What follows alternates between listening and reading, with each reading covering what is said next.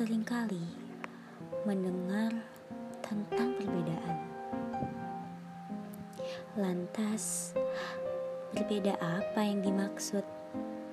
Berbeda untuk melengkapi atau berbeda untuk menjauhkan? Kalau untuk melengkapi, melengkapi yang kurang atau melengkapi kekosongan, melengkapi perasaan cukup atau perasaan yang kuyup, kuyup bersama harapan dan impian yang sudah kita buat. Ya, komitmen yang sudah kita angkat, perjuangan yang membuat kita kuat susah dan senang tergabung dalam hasrat. Jika perbedaan untuk menjauhkan, untuk apa?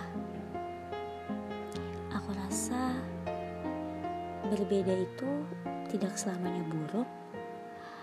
Dengan adanya perbedaan, kita banyak belajar. Belajar untuk saling menghargai satu sama lain. Menghargai itu bukan perkara yang mudah, loh.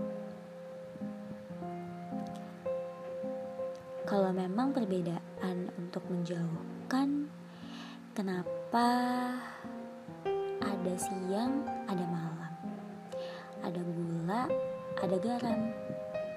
Tentu saja mereka ada untuk saling melengkapi satu sama lain, bukan untuk menjauhkan. Asalkan kadarnya tepat.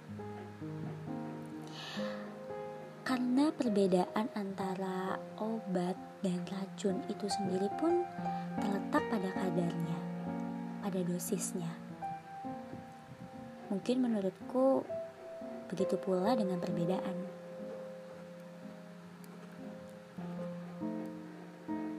Laki-laki dan perempuan diciptakan berbeda.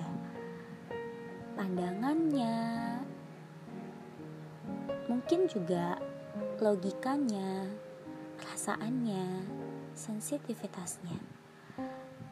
Tapi diciptakan oleh Tuhan adalah untuk melengkapi satu sama lain.